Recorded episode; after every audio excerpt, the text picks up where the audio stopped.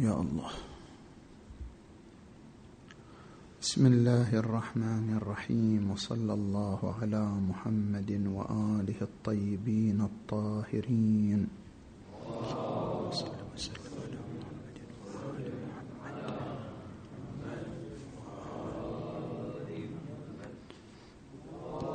صلى عليكم السلام ورحمه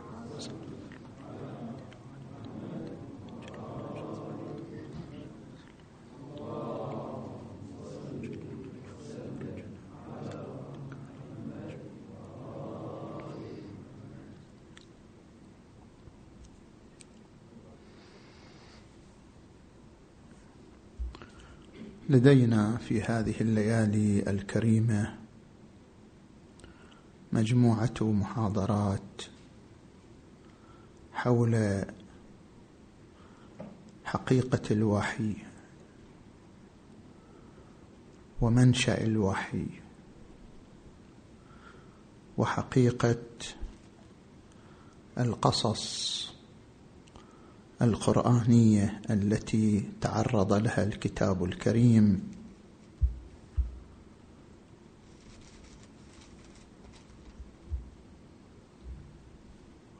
ونقد ما أثير من إشكالات حول مضامين القرآن الكريم من الناحية العلمية أو التاريخية. فالمحاضرة الأولى حول حقيقة الوحي.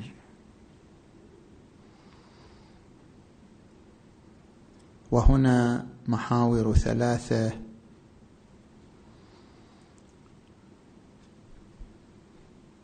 في بيان معنى الوحي في القرآن الكريم. وفي إمكان الوحي وفي تفسير الوحي. المحور الأول ماذا تعني كلمة الوحي في القرآن الكريم؟ الوحي بحسب الوضع اللغوي هو عبارة عن الإلقاء الخفي. بمعنى أن الإنسان إذا ألقى إلى إنسان آخر معلومة بطريقة خفية لا يفهمها إلا الملقى إليه فيعد هذا الإلقاء وحيا أوحى إليه بمعنى أنه أوصل إليه معلومة لا يفهمها إلا هو بنحو خفي غير واضح. كما ذكره ابن فارس في كتابه معجم مقاييس اللغة الجزء السادس صفحة ثلاثة وتسعين. نلاحظ أن القرآن الكريم استخدم كلمة الوحي في عدة مضامين كلها تلتقي بهذا المعنى العام ألا وهو الإلقاء الخفي. وهذا ما أشار إليه السيد الطباطبائي أيضا في تفسير الميزان الجزء الثاني عشر صفحة 293 نذكر بعض الاستعمالات في القرآن الكريم. استعمل الوحي في عدة معاني في القرآن الكريم. المعنى الأول النظام الكوني. مثلا قوله تعالى فقضاهن سبع سماوات في يومين وأوحى في كل سماء أمرها. أوحى في كل سماء أمرها وضع في كل سماء النظام الذي يديرها بشكل خفي لا يعرفه إلا الله والراسخون في العلم وأوحى في كل سماء أمرها. وزينا السماء الدنيا بمصابيح وحفظا ذلك تقدير العزيز العليم. المعنى الثاني استخدم الوحي في نداء الغريزة. أو صوت الغريزة الذي لا يسمعه إلا صاحب الغريزة نفسه. كما في قوله تعالى وأوحى ربك إلى النحل أن اتخذي من الجبال بيوتا. فهذا طبع كامن في غريزة النحل لا يفهمه إلا هذا الجنس المسمى بالنحل.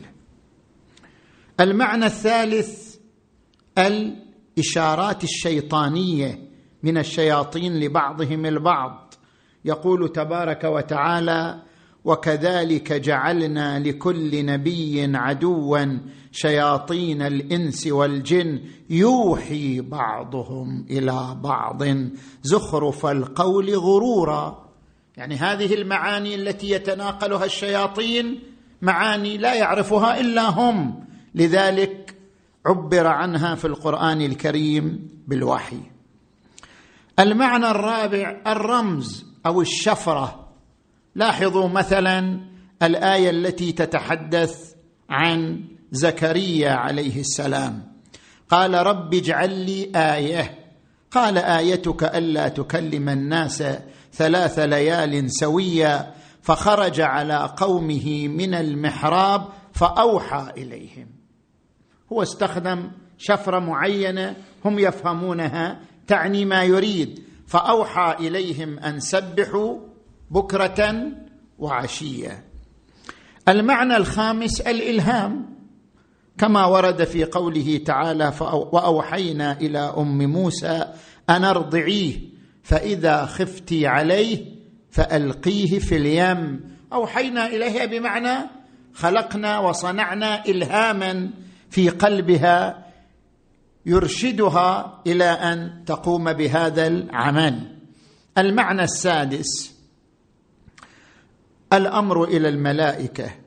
إذ يوحي ربك إلى الملائكة أني معكم فثبتوا الذين آمنوا. المعنى السادس وهو المهم الوحي إلى النبي صلى الله عليه وآله. اللهم صل على محمد وآل محمد. قال تبارك وتعالى وكذلك أوحينا إليك روحا من أمرنا. ما كنت تدري ما الكتاب ولا الإيمان ولكن جعلناه نورا نهدي به من نشاء من عبادنا وإنك لتهدي إلى صراط مستقيم. أوحينا إليك روحا. هنا اتحد الوحي مع الموحى. أوحينا إليك روحا يعني أرسلنا إليك روحا. الوحي هنا الإرسال الموحى هو الروح. الروح ماذا تعني؟ أوحينا إليك روحا من أمرنا. ما كنت تدري ما الكتاب ولا الإيمان. إذا تتبعنا إطلاقات القرآن الكريم لكلمة الروح نجد أن الروح ليس هو جبرائيل. إنما الروح وجود ملكوتي يلبسه جبرائيل ويلبسه الإنسان ويلبسه أي مخلوق يكون مؤهلا لحمل هذا الوجود الملكوتي.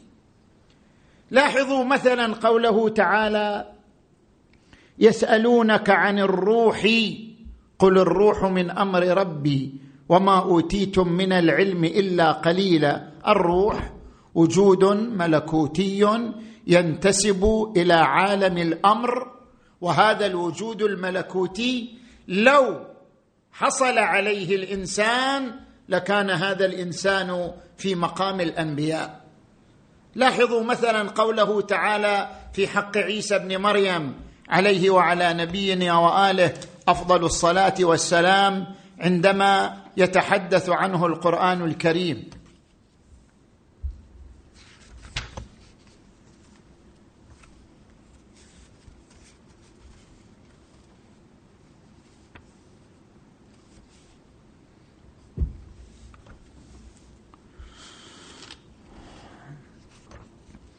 يقول القرآن الكريم في حق عيسى بن مريم إنما المسيح عيسى بن مريم رسول الله وكلمته ألقاها إلى مريم وروح منه.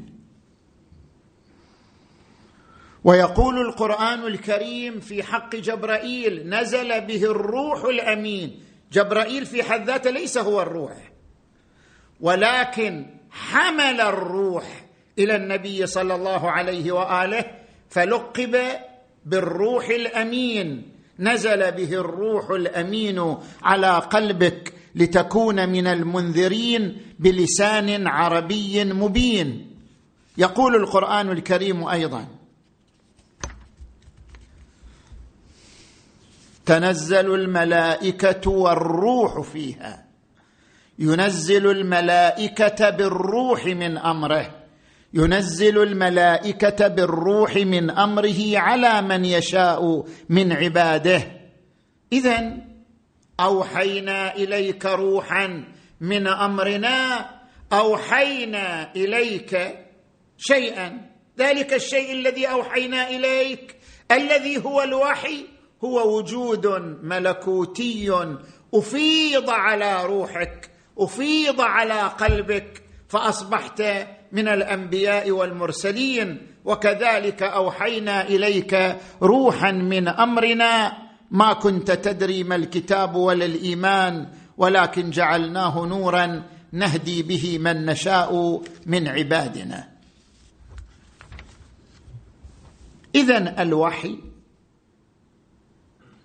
وجود عندما نريد أن ننتزع معنى الوحي في القرآن الكريم الوحي في القرآن الكريم وجود ملكوتي يفاض على نفس النبي.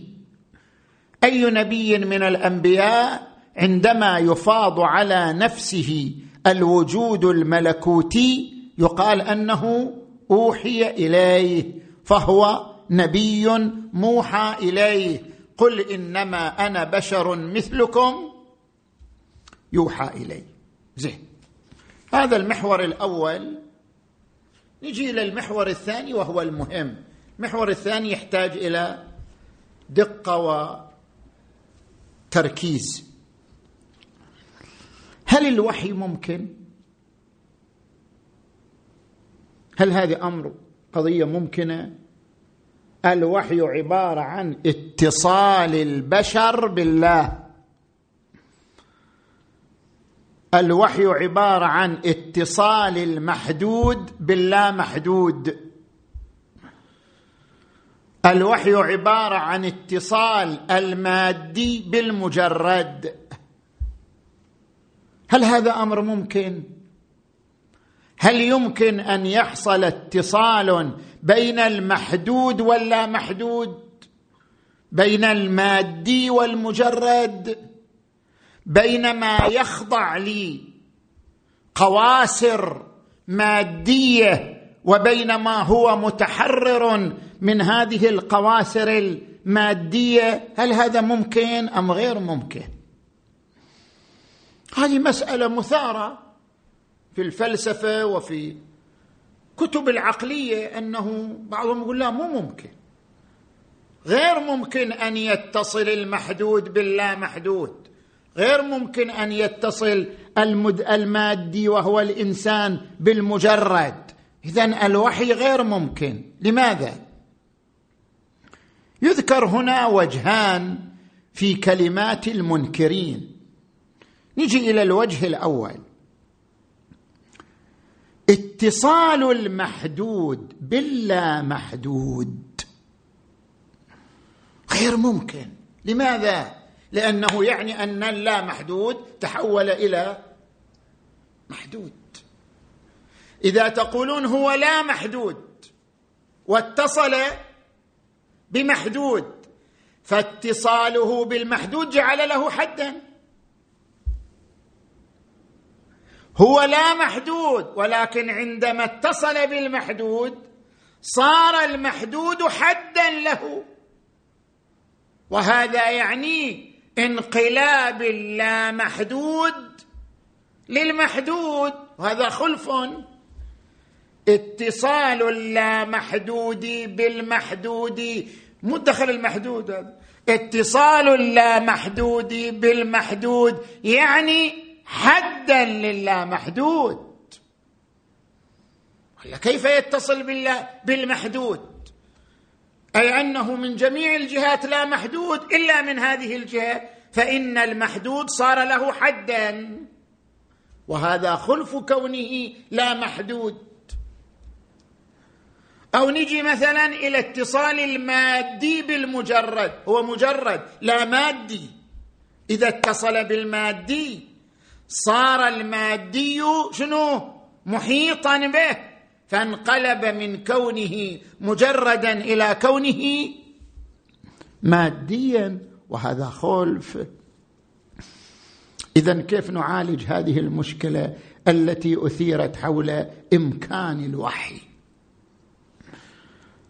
كما قلنا عبارة عن اتصال من عالم الغيب بعالم الشهادة.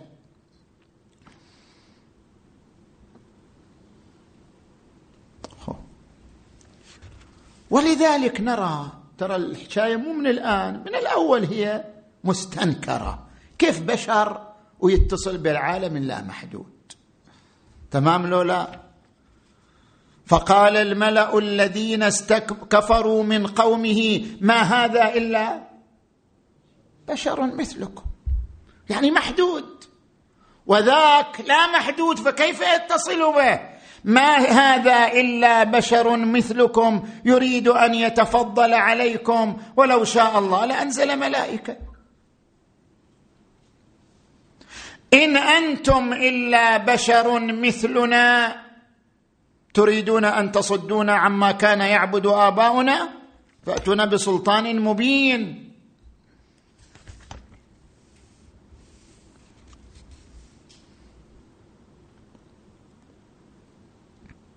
اذا هذا هو الوجه الأول في بيان امتناع امتناع الوحي وعدم إمكانه. نجي إلى الوجه الثاني. الوجه الثاني في الفلسفة يقولون حكم الأمثال فيما يجوز وما لا يجوز واحد. إذا نوح إنسان والإنسان يموت إذا نوح يموت. حكم الأمثال فيما يجوز وما لا يجوز واحد.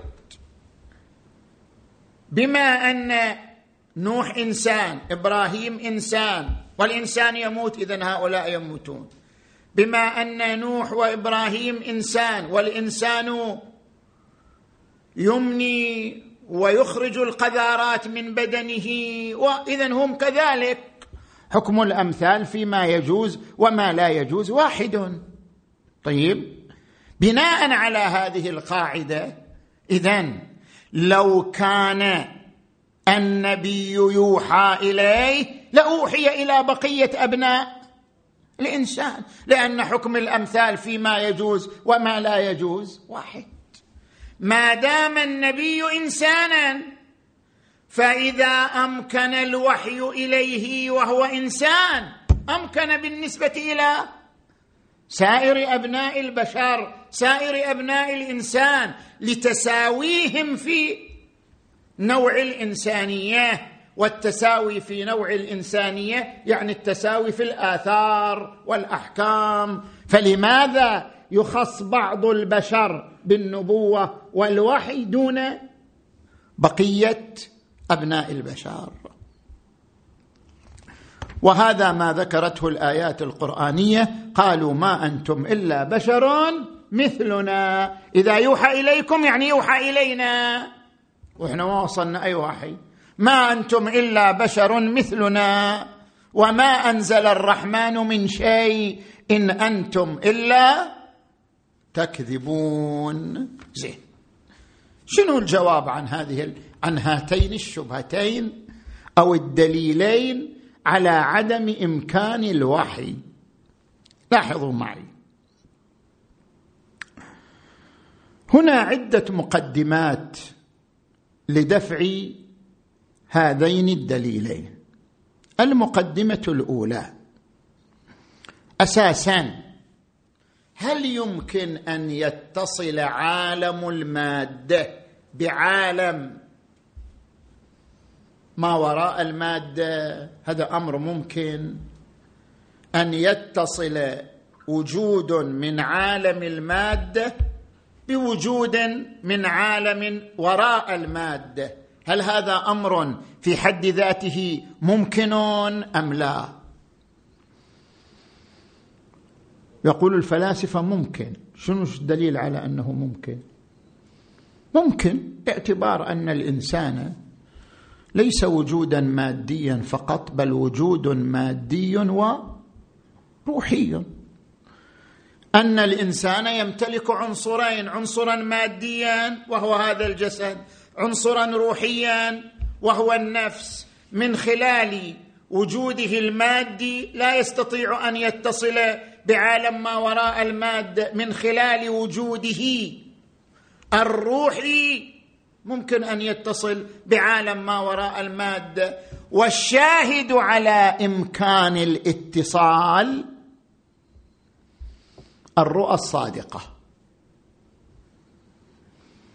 ابن سينا يقول في تنبيه والإشارات ما هو الدليل على إمكان الاتصال؟ أن الاتصال أن المادية تصل بعالم وراء المادة. الدليل على ذلك هو الرؤى الصادقة. كيف الرؤى الصادقة؟ هذا أمر متكرر. كثير من الناس يرى رؤية ثم تتحقق. هذه الرؤية ما له وجود في عالم المادة. بعد لم توجد.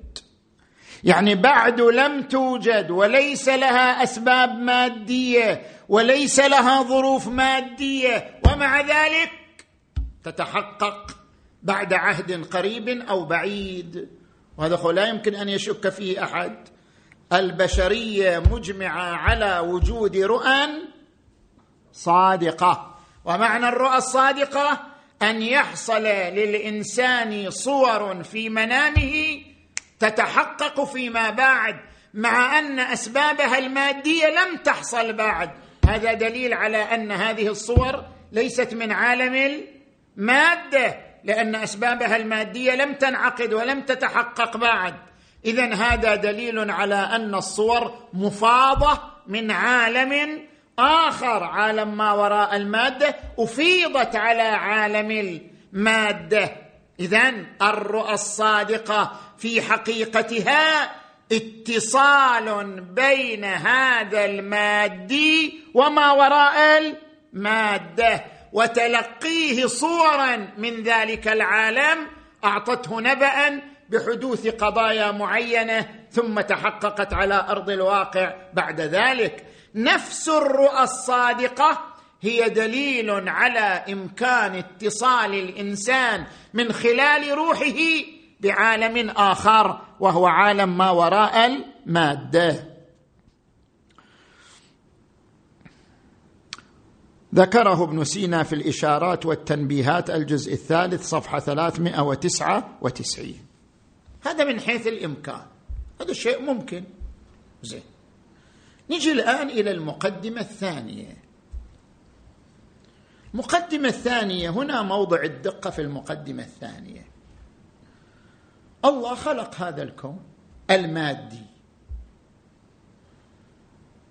هل انتهت علقة الله بعالم المادة بعد خلقه أو بقيت. وتختار واحد من من الشقين. الله هو الذي خلق عالم المادة لأن هذا الذي يشكك في إمكان الوحي هو معترف بالله. الآن ما نتكلم مع شخص لا يؤمن بالله. شخص يؤمن بالله أما يشكك في إمكان الوحي. سؤال الله خلق عالم المادة. بعد أن خلقه. له صلة بعالم المادة أم لا؟ إذا يقال لا صلة له بعالم المادة هذا هدم لقانون العلية. لا يعقل انفكاك المعلول عن العلة. مستحيل. المعلول والعلة متعاصران زمنا متفاوتان رتبتان. الطاقة الكهربائية علة الضوء معلول. مستحيل انفكاك الضوء عن الطاقة الكهربائية. فاذا الضوء معلول الطاقة الكهربائية علة. لا يمكن أن يبقى الضوء مع انتهاء الطاقة الكهربائية مع انفصال الطاقة الكهربائية. مستحيل. مستحيل الانفكاك بين المعلول والعلة. المعلول والعلة متعاصران زمنا متفاوتان رتبتان باعتبار أن العلة مفيض والمعلول مفاض. وإلا لا يتصور انفكاكهما أبدا. فإذا واحد يقول أن الله خلق الكون واعتزل أخذ تقاعد مستحيل. نسبة الله نسبة الوجود اللامحدود. للوجود المحدود. نسبة العلة للمعلول. نسبة الطاقة الكهربائية للضوء الكهربائي. مستحيل انفصالهما. وقالت اليهود يد الله مغلولة. يعني خلق الكون وتقاعد.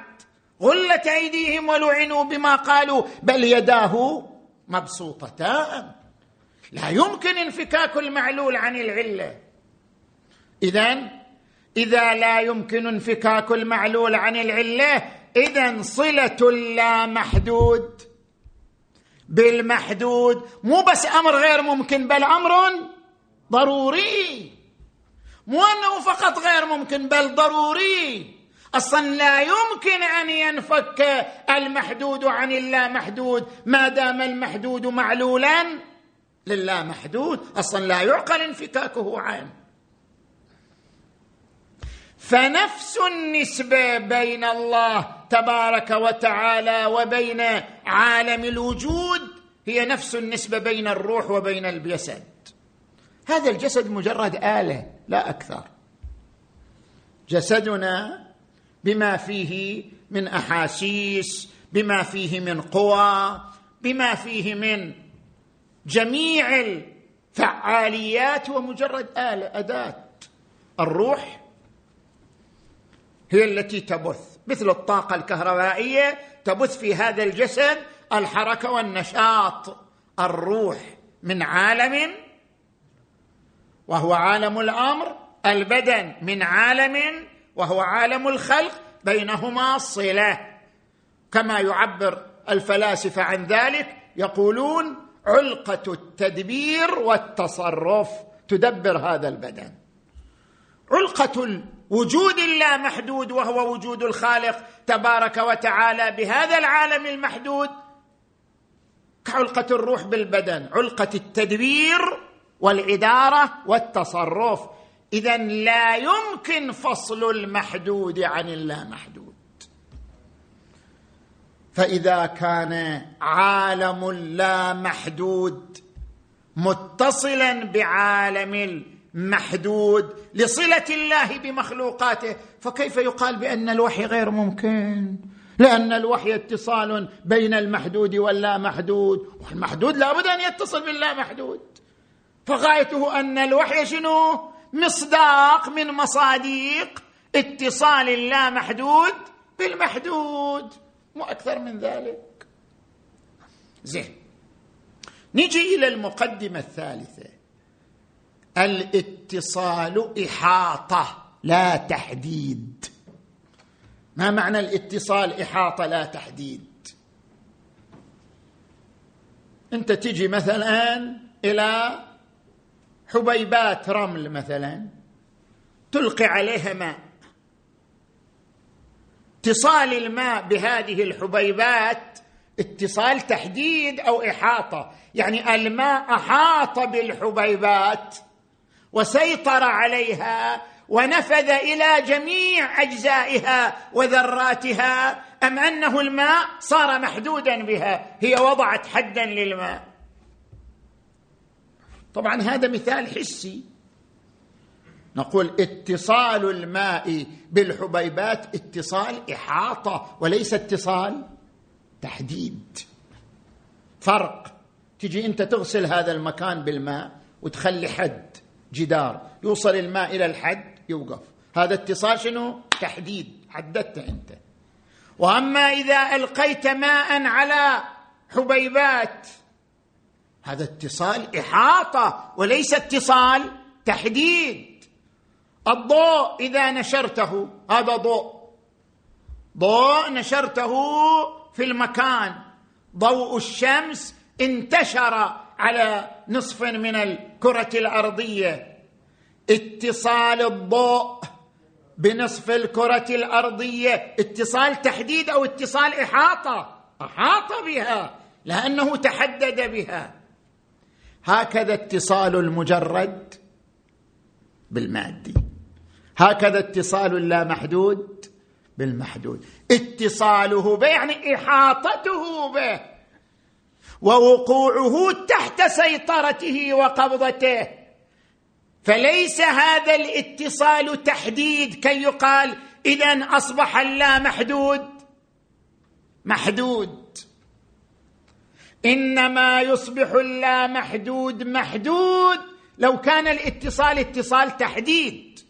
أما إذا كان الاتصال عبارة عن إحاطة هيمنة إحاطة المجرد بالمادي وهيمنته عليه إحاطة اللامحدود بالمحدود وهيمنته عليه ونفوذه فيه. هذا الاتصال لا يعني انقلاب اللامحدود إلى المحدود أو المجرد إلى المادي. اذا اتضح من ذلك أنه هذا الدليل الأول الذي أقيم على إثبات امتناع الوحي غير تام. نجي إلى الدليل الثاني وهو حكم الأمثال فيما يجوز وما لا يجوز واحد. فإذا كان قد أوحي إلى الأنبياء اذا غيرهم من البشر أيضا شنو؟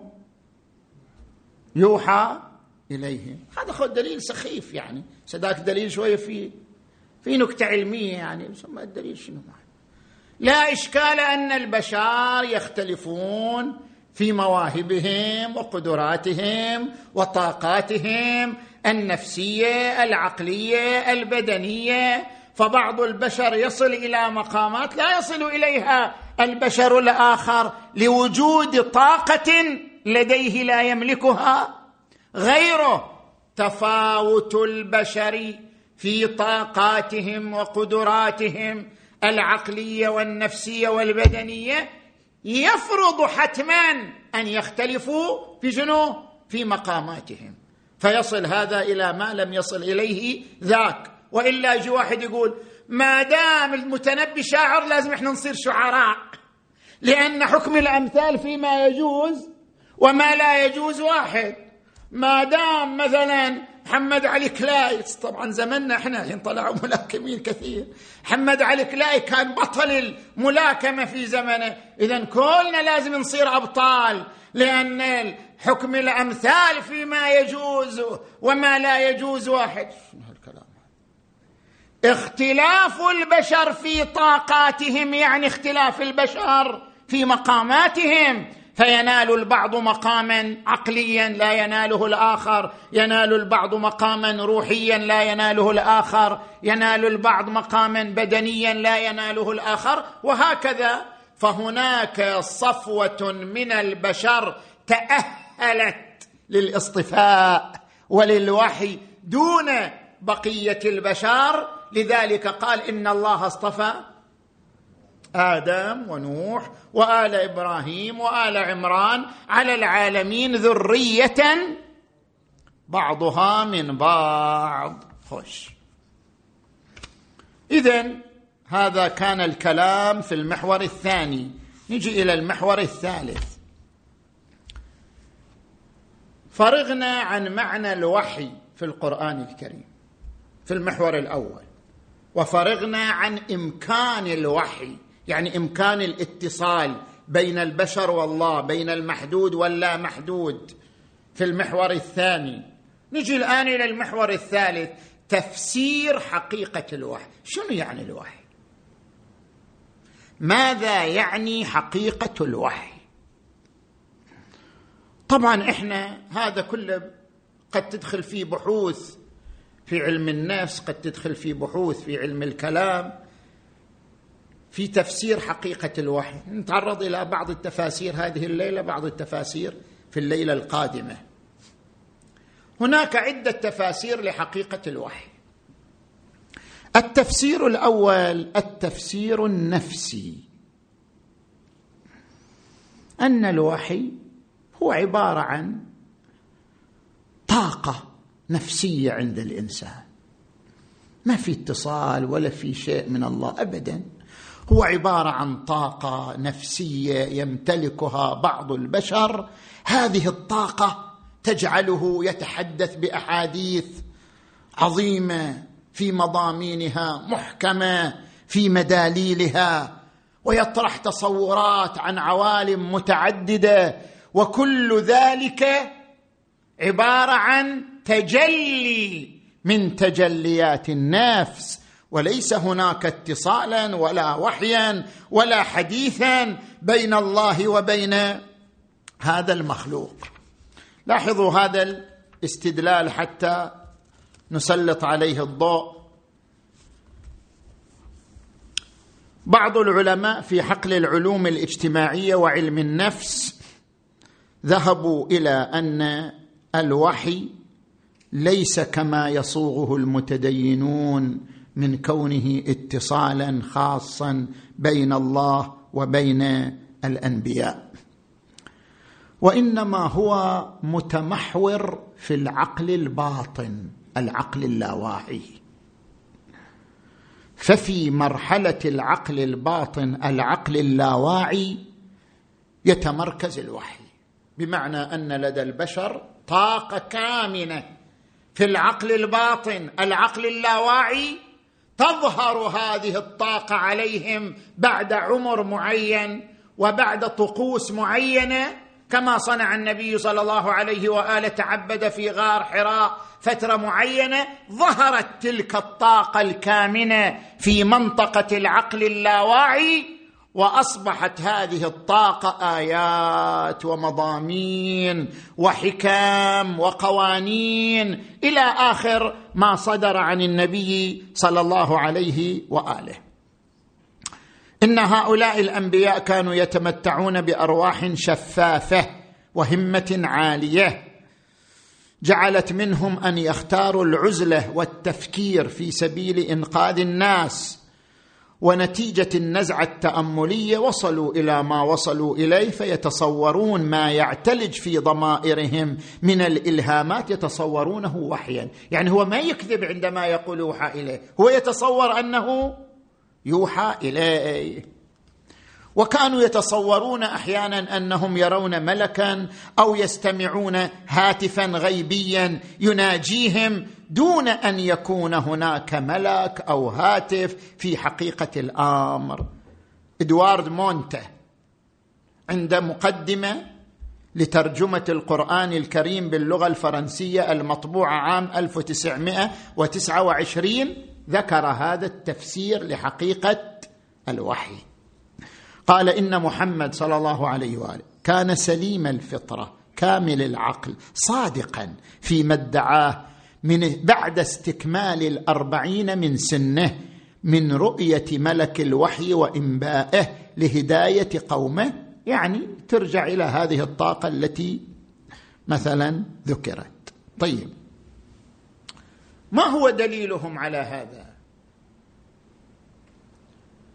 قالوا الدليل على ذلك وجهان.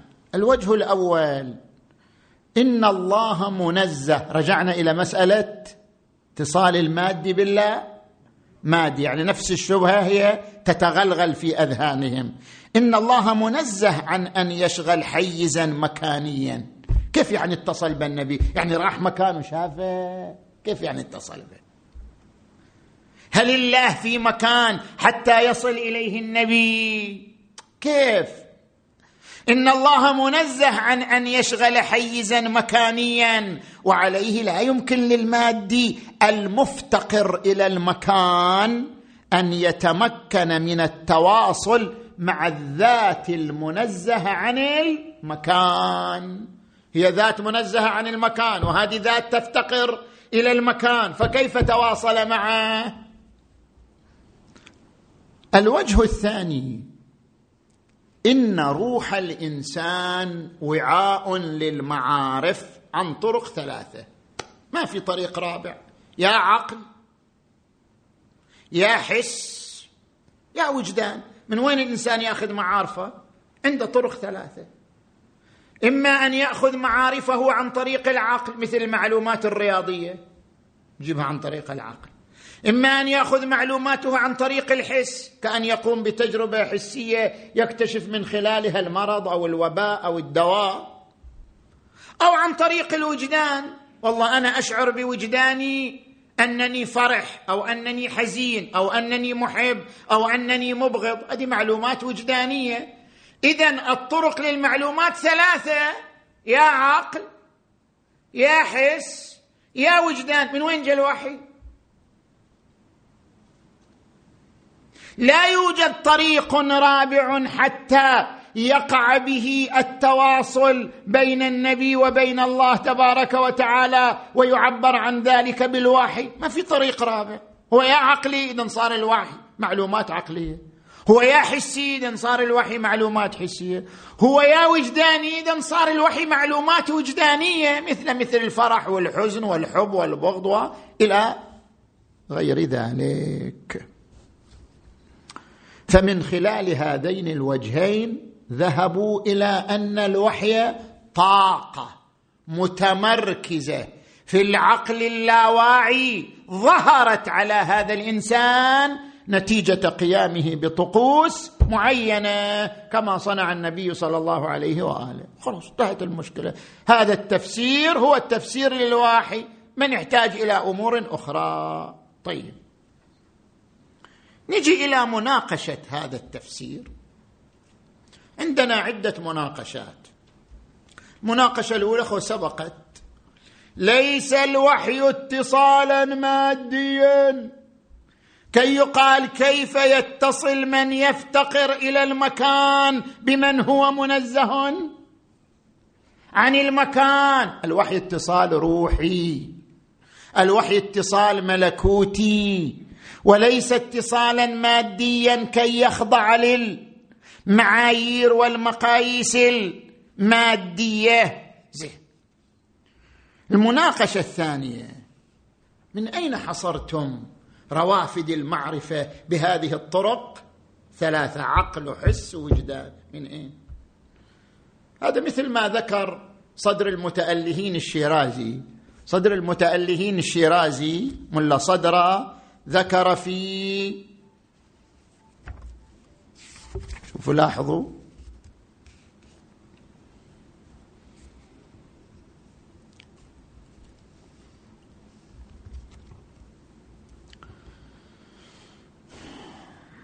ذكر في كتابه الأسفار الجزء الثاني صفحة واحد وسبعين قال الإنسان مثلث. شو مثلث؟ له تعقل وتخيل وحس. يعني عنده قوة متعقلة وعنده قوة متخيلة يتخيل صور وعنده قوة حسية. وبهذه القوى الثلاث يصل إلى ثلاثة عوالم. فبالتعقل يحصل على كمال المعقولات. وبالتخيل يمكن أن يشاهد الملك يعني كجبرائيل وغيره. وبالحس يمكن أن يتجسد أمامه الملك بصورة حسية فيراه. يعني ليش أنتم تقولوا إلا لازم يكون الوحي عن الطرق الثلاثة؟ ممكن. الوحي ممكن أن يكون عن الطرق الثلاثة لأن الإنسان عنده تعقل وتخيل وحس فبتعقله توصل المعلومات بتخيله. يقدر يتخيل صورة الملك بحسه يمكن أن يتجسد الملك أمامه فيراه حسا. شنو المشكلة؟ لا مو هذه المشكلة. مو بهالسهولة يعني الكلام. الوحي لا يمر عبر أدوات اطلاقا. الوحي اتصال مباشر بين نفس النبي وبارئه تبارك وتعالى. ما في واسطة. ما في أداة في البين ابدا. لا توجد أداة في البين. نعم. القرآن الكريم قسم الوحي. قال وما كان لبشر أن يكلمه الله إلا وحيا. يعني مباشر. أو من وراء حجاب سمع موسى الكلام من الشجرة أو من النار أو يرسل رسولا. غير الرسول غير الشجرة في وحي وحي يعني شنو؟ يعني بلا واسطة. لا دليل عقلا على حصر المعارف في هذه الطرق الثلاثة. وهي إما عقل أو حس أو وجدان. ابدا. الوحي عبارة عن اتصال مباشر بين النفس النبوية وبارئها تبارك وتعالى يفيض على هذه النفس النبوية النور وكذلك أوحينا إليك روحا من أمرنا. ما كنت تدري ما الكتاب ولا الإيمان. تماما كما نقول يهدي الله لنوره من يشاء. يعني كيف يهدي؟ لازم يهدي عن طريق الحس أو العقل أو الوجدان. لا. يفيض عليه الهداية بصورة مباشرة. اذا ما يدعيه المتدينون ليس الوحي معلومه عبر أداة معينة حتى يقال الأدوات ثلاث. من وين أتى الوحي؟ ما يدعيه المتدينون أن الوحي إفاضة مباشرة واتصال مباشر. زين. نجي إلى المناقشة الثالثة.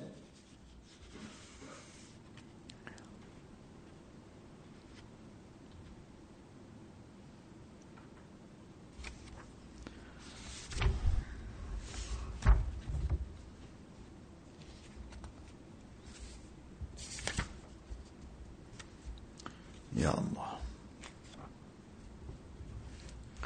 المناقشة الثالثة. دليل حساب الاحتمالات.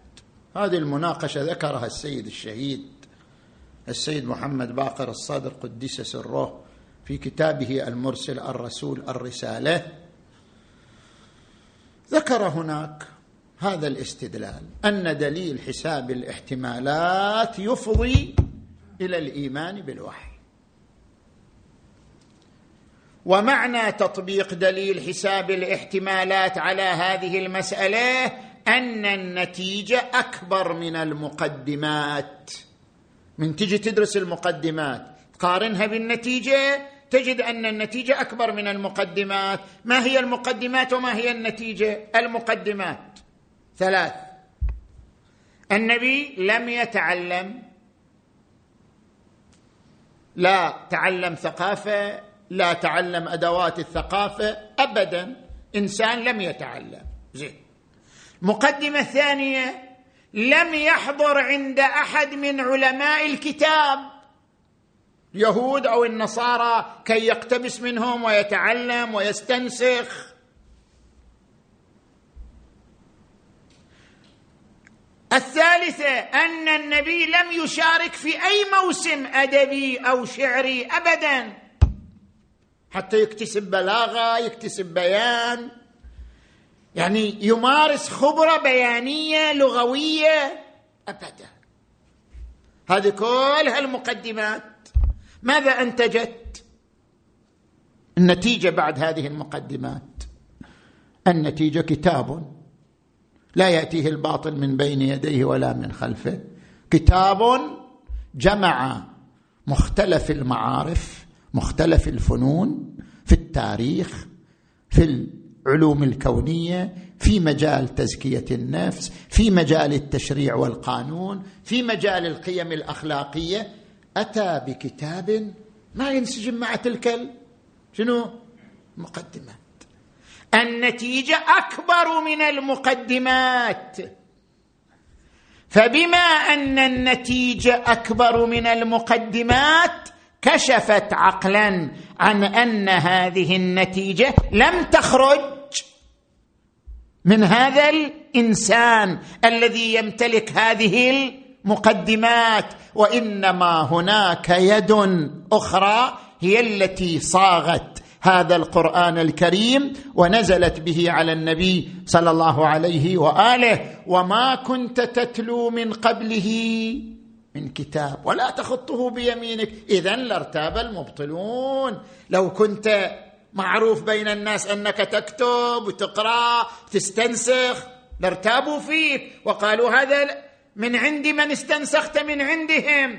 وما كنت تتلو من قبله من كتاب. ولا تخطه بيمينك. اذا لارتاب المبطلون. خش المناقشة الرابعة. لاحظوا أي إنسان أي إنسان يتفاوت بتفاوت عمره وخبرته صح لو لا؟ أنت قبل عشر سنوات مثلك أنت الآن في خبرتك في ثقافتك طبيعي. الإنسان كلما تقدم به العمر تفاوت مستواه الثقافي والعقلي هذا طبيعي. فما يصدر من الإنسان من نتاج يتفاوت. هذا الأديب نتاجه قبل عشر سنوات غير نتاجه الآن نتاجه الآن غير نتاجه بعد عشر سنوات أخرى. هذا العالم هذا المثقف أي أي شخص آخر. طبيعة البشر تتفاوت. طبيعة البشر يتفاوت إنتاجهم بتفاوت خبراتهم والسنين التي يقضونها في تحصيل هذه الخبرات. النبي ثلاثة وعشرين سنة يزخ معلومات ذات مستوى واحد. مستوى واحد. ما تحدث به في أول البعثة بنفس المستوى من المضمون. والواقع كما تحدث به شنو؟ آخر البعثة. نفس المستوى. ولذلك قال أفلا يتدبرون القرآن ولو كان من عند غير الله لوجدوا فيه؟ اختلاف اختلاف يعني تفاوت. لو كان من عند غير الله لرأوا فيه تفاوت يعني مستويات. ولكن عندما يخبرون القرآن بعقولهم يجدون القرآن مستوى واحد لمدة 23 سنة. طيب هذا الإنسان اتطور تغير اكتسب خبرة اكتسب تجارب. لماذا مستوى واحد؟ مما يكشف عن أن المصدر واحد لهذا القرآن الكريم وليس عبارة عن طاقة تجلت من العقل اللاواعي إلى العقل الواعي. زين. المناقشة الخامسة أن الرسالة التي أتى بها رسالة متعددة الأبعاد. احتوت هذه الرسالة على أبعاد مسيرة الإنسان وركزت على المحاور المفصلية في حياة الإنسان وهي الأبعاد الأربعة تزكية النفس تقوية الروابط اجتماعية تأكيد لغة القانون الحث على بناء الحضارة. هذه الأبعاد الأربعة اللي هي مفاصل أساسية في مسيرة أي إنسان ومسيرة أي مجتمع ركزت عليها الرسالة المحمدية بإشباع.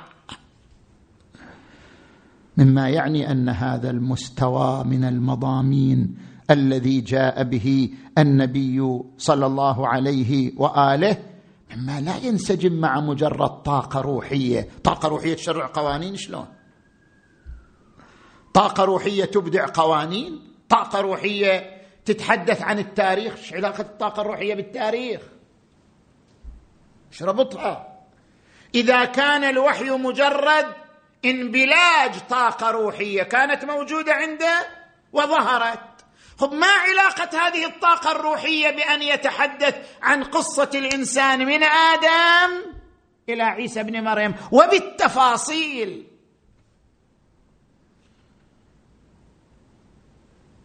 أنت إذا تقارن القرآن بكتب العهدين التوراة والإنجيل وتشوف قصص آدم ونوح وإبراهيم وفي كتب العهدين كلها قصص مبتورة وفيها ثغرات كثيرة. تلاحظ نفس القصص في القرآن تجده يجيب عن تلك الثغرات ويسد تلك الفجوات مصدقا لما بين يديه من الكتاب ومهيمنا عليه. شنو علاقة الطاقة الروحية بالحديث عن قصة الإنسانية من يوم آدم إلى يوم عيسى؟ ما هو الربط بين الطاقة البشرية وبين الإخبار بالمغيبات؟ ألف لام ميم غلبت الروم في أدنى الأرض وهم من بعد غلبهم سيغلبون في بضع سنين. شنو الربط بينهما؟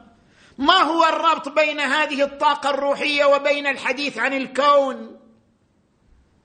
ثم استوى إلى السماء وهي دخان فقال لها وللأرض ائتيا طوعا أو كرها قالتا أتينا طائعين.